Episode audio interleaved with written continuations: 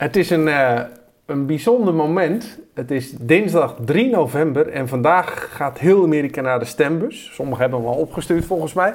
En wat wordt het morgen? Wordt het Biden of Trump? Jouw voorspelling. Ik denk Biden. Maar ik denk wel dat met een veel kleiner verschil dan dat iedereen nu zegt. Want het was vier jaar geleden natuurlijk met eh, Hillary Clinton ook zo dat iedereen dacht: oh, maar Clinton wint makkelijk. Dat denken ze nu ook bij Biden. Ik denk toch dat dat gewoon kiele kiele wordt.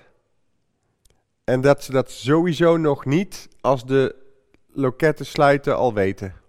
Ik had nog Adam Curry beluisterd, die, die dan helemaal zegt dat ze dat enorm kunnen rekken als ze het er weer niet mee eens zijn. Eh, dus dat, dat het nog niet eens hoeft te zijn dat morgen de uitslag definitief is.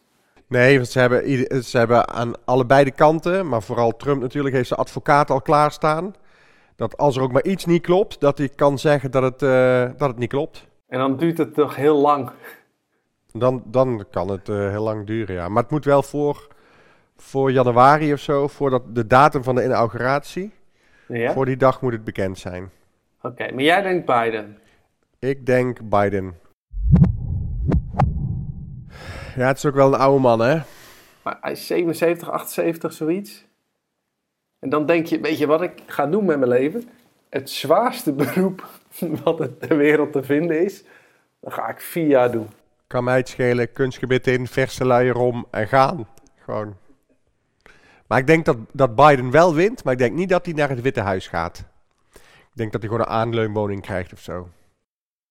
Gewoon vier keer per week tafeltje, dekje. Hij gaat natuurlijk omvallen. Ik denk dat, dat Kamala Harris de volgende president wordt.